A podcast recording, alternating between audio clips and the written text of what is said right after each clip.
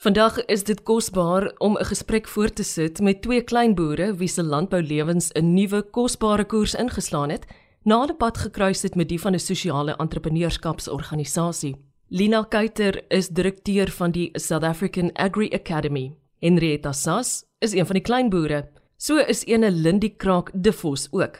Sy verduidelik entoesiasties waar die spesiale verhouding begin het. Maar net om in te kom hoe ons um, betrokke geraak het by Agri Academy. Ons is so goedgekeur gewees ter lande om deel te wees van die program en ons het deel uitgemaak van die Market Access Development Program wat baie nice is vir ons. Jy weet baie mense as hulle begin te plant, hulle plant met die doel Hulle het nie regtig maar 'n marklik so stel. Hulle plant maar daar, hulle maak nie seker daar's 'n mark vir hulle nie. En die projek waar ons mee besig is, 'n program wat ons mee besig is met met Lina, gee vir ons die geleentheid om seker te maak, jy weet, as jy jou grond reg voorberei, as jy jou um irrigation toepas, as jy die regte um saad insit in die regte seisoen, die opbrengste wat jy kry kan baie meer wees as as jy dit anders te omdoen. En dan moet om seker te maak as jy plant daar 'n mark daarvoor. En dan het ons ook ons kyk na verwerking ook, jy weet. Lina het u genoem vroeër van die prysstyker ja. Net laat vir julle weet wat ons oorgekom het voorbeeld. Ons het varke gehad. Ons het um vark was verskriklik duur, maar ek is so iets noem. En um ons het probeer mense kry om te koop by ons. Baie moeilik geweest toe ons aan die slagpale verkoop waar die prys baie swakker is as jy aan die mense kon verkoop het of aan die winkels verkoop het. Ons het dus research was reg gedoen geweest. Dis 'n mistake wat ons gemaak het. Maar nou weet ons ten minste vorentoe gaan ons dieselfde mistake maak. Jy research is baie belangrik as dit kom by boerdery, nie net om um te weet wat om te plant nie, maar om seker te maak dat daar is mense wat gaan koop by jou. Ehm um, so ja, dis maar 'n bietjie by agtergrond van my af.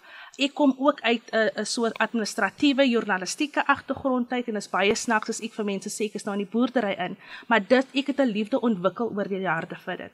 Dit is vir my baie mooi om te sien dat is baie lekker om te sien die wortel wat jy geplant het of die slaaiblare wat jy geplant het is iets wat jy later gaan eet. So ek wil dit ook vir mense in my gemeenskap leer. Jy weet ons hoef nie dependent te wees soos mense daar buite nie wat jy eet kan jy uit op jou grond uit kry. Jy's iemand wat weggegaan het en teruggekeer het na Mamrey.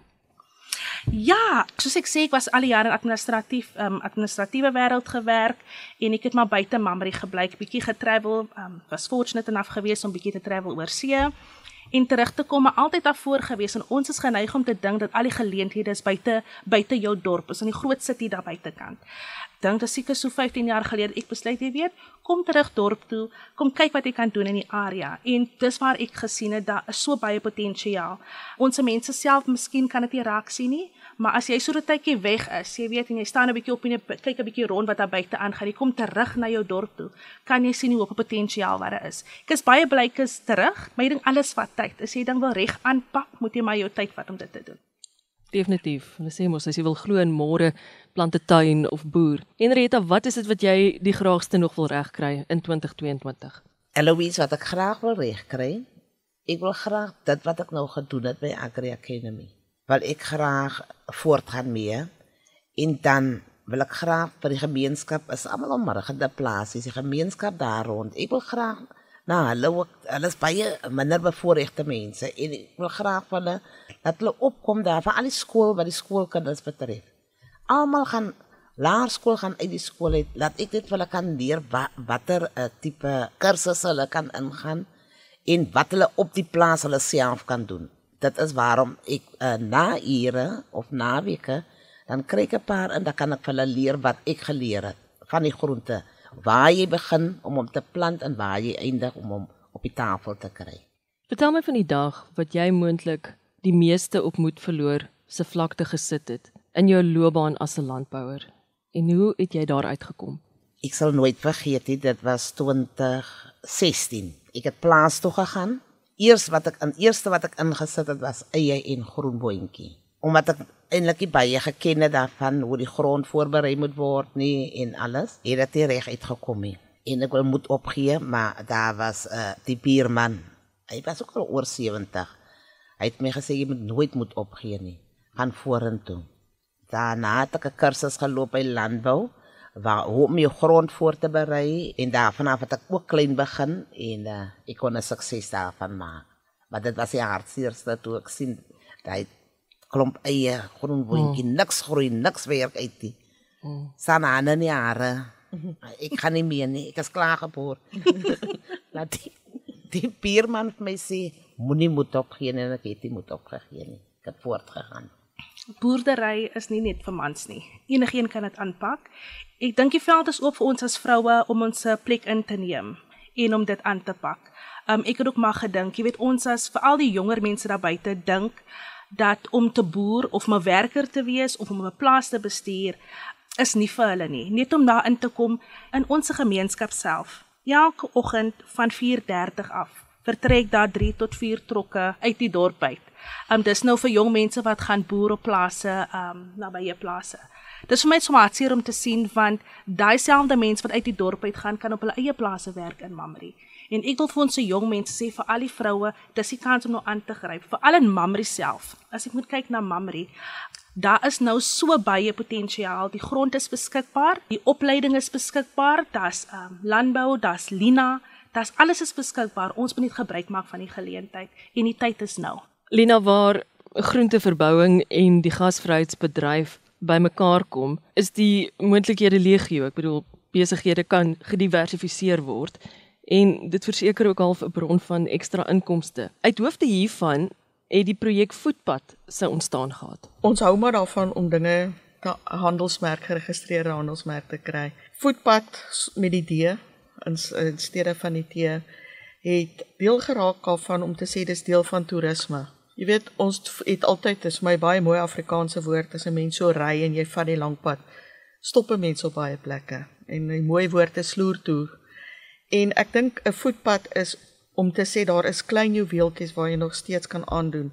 Nie noodwendig die groot padstalle waar jy altyd stop nie, maar 'n plek waar jy kan gaan oorslaap, 'n nuwe plek wat jy kan sien. Jy weet en Henrietta, hy is verskriklik beskeie. Sy was ons na die evaluasie as deel van hulle chefopleiding moes hulle 'n maand in 'n kommersiële kombuis gaan werk het. En Henrietta het by die Erenwil Hotel gewerk. Hmm. En as jy uit 'n ander omgewing word enige praktiese internskap opleiding is hard en 'n kombuis is dit dubbel so hard want jy werk teen ure en ek dink dit was 'n vuurdoop. Sy was die beste student, maar sy is ook 'n mentor vir van die medestudente wat jonger is. En ek dink dit is die idee van voetpad. Voetpad is vir ons nou net die begin. En ons hierdie nuwe wonderlike groep mense soos Henrietta, Lindy wat ons om ons het, gaan terug na jou gemeenskap toe. Doen 'n sekere opvoedingswerk Dis iets wat ons as jy begin kan sien en kan uitbrei en bitter graag landwyd ook sal wil uitbrei. Ander produkte wil bybring, maar ook vir die mense die meer realiteit van 'n plaas gee op 'n kleiner omgewing waar daar baie meer van 'n persoonlike kontak is, waar daar 'n storie agter iets is. Jy weet soos Henrietta het 'n storie van haar pa, maar Mamre het ook 'n storie dat waterblommetjie Bredie kom eintlik van Mamre af. Jy weet so gaan eerder tog waar sy oorsprong is binne daardie spesifieke seisoen. So ja, om die naam voetpad te kry was 'n wonderlike kreatiewe proses en om almal te sê hierdie is almal voetstappies van ons voetpad is soos ek sê 'n droom wat waar geword het, maar ons het gewerk met wat ons het. Daar was nie groot investering en ietsie, maar almal het gaan kyk wat is op my plaas, wat kan ek bybring, wat kan ek verander? wat kan ek maak werk? Hierdie projek is in 'n 3 jaar siklus. So alhoewel ons nou klaar is met die chefopleiding, gee ons nog steeds 'n mentorskap op die plaas. So met elke boer en ons hoop dit kan so uitbrei en dan het hulle ook die liefdadigheidsprojek as 'n derde been tot die projek. So soos Henrietta en Lindy hier sit, hulle het een van die skole aangeneem wat hulle ons die sop kom bys daar wil ons maak dat hulle nie net nie afhanklik is van skenkings nie. En dis nou alles nog steeds te maak met voetpad. Dis alles te maak met voetpad. Dit is die tegniese opleiding, die waardeketting in landbou, dit is die gasvryheidswaardeketting en die derde been is ons liefdadigheidsprojek. Jy moet in jou omgewing 'n liefdadigheidsprojek aanneem, maar nie net om te sê kom vat groente op my plaas nie of kom vat melk nie. Hulle moet daardie mense help om hulle self te bemagtig want by liefdadigheid gebrei dit mense vra aan mekaar vir donasies. Mm. Hoekom begin hulle nie 'n eie groentetein nie? Weet hoekom begin hulle nie eie melkery nie? En die twee dames is nou besig daarmee. Ons het implemente geskenk of wat saad of saailinge wat hulle nodig gehad het. Elkeen van die 9 besighede of liefdadigheidsorganisasies en van hier af vat hulle dit verder. En ek is mal oor die woordspeling van voetpad. Dis 'n V O E D pad. En daar kan jy mos nou die brein somme maak. Agri Academy is die opleiding instansie buite die geakkrediteerde uh, vaardigheidsprogramme aan as 'n eie organisasie of 'n vennootskap. Dit is nou ons Market Access Development program waar ons op die primêre landbouketting fokus en ook dan op die gasvryheidswaardeketting wat in hierdie geval chefopleiding was of uh, wat ons noem die Cook Convenience Food. Hoe ons nou bymekaar kom is daar was 'n bedrag bewillig dat hierdie vennootskap tussen 'n primêre waardeketting en 'n gasvryheidswaardeketting bymekaar uitkom en dat hulle 'n besigheid gesamentlik begin. Daarvoor het ons 'n bedrag bewillig. En met daardie bedrag kon hulle byvoorbeeld vir hulle 'n food trailer kry, hulle kon 'n plaaskombuis ingerig het, hulle kon besluit het hulle maak dit 'n uh, bed en ontbyt of wat ook al. En nou as ons hulle bekendstel, is hulle operasioneel. So ek gaan vir jou sê as jy Lindy wil gaan besoek, dit is haar details. Hulle gaan hulle eie Facebook hê. As jy na Henretta toe wil gaan, so het ons ons organiese boer, ons het 'n aardappelboer, ons het oral in die Weskaap het ons waar die roete is en dit sal op ons Facebookblad beskikbaar wees. So ons verhouding met hulle is hier's die besighede nou maak dit werk. Alhoewel julle dit gaan maak werk, gaan ons nog vir 24 maande by julle eh, betrokke wees. Ons gaan probeer raad gee. Ons gaan die opleiding uh, gee waar julle dit nodig het, maar binne die konteks van elke besigheid se uniekheid want dit wat Lindy en Henretta gaan aanbied gaan anders te wees as wat ons Piketbergboere aanbied of ons organiese boere. Maar vir ons is die belangrikste dat die toerist of dit plaaslik is of oor see of net in die omgewing werklik daarna toe kan gaan en landbou op 'n baie unieke manier kan ervaar, maar nie net in sy primêre vorm nie, maar ook in sy verwerkte vorm. Wat ek graag wil sê vir almal daar buite, moenie stil sit nie. In landbou is daar baie wat jy kan doen. En dit is baie wat jy vir jouself kan doen en uitbrei na ander mense. So begin waar ek begin het dan kom almal daar. Soos ek genoem het vroeër, ek was maar al die tyd betrokke in die administratiewe veld gewees, maar in koöperatiewe wêreld gewerk al die jare. Ek dink ek was so 18, 19, ek is nie seker hoe oud ek was nie toe my ma kanker ontwikkel het, borskanker. Sy's 'n baie sterk vrou. Sy het daardeur gekom, sy's kankervry van daai tyd af al. Maar as jy nou kyk vandag in ons gemeenskap byvoorbeeld die mense wat nou kanker kry. Ek praat oor enige tipe kankers. Dit gaan so vinnig, is so aggressief. Nou ek gedink nou wat is die wat maak verskillend van destyds? Van in my ma se era is daar 'n paar handjie, is 'n handjie vol mense wat oorgebly het wat wat kanker destyds gehad het. Nou ek is nie 'n medical professional, ek kan nie sê wat dit veroorsaak nie. Maar ek gedink jy is er iets te doen met die kos wat ons eet. Ons moet seker maak die kos wat ons inneem, ons weet waarvan af dit kom. En dit het maar selfsalmatig by my gekom. Ons moet kyk na ons gesondheid.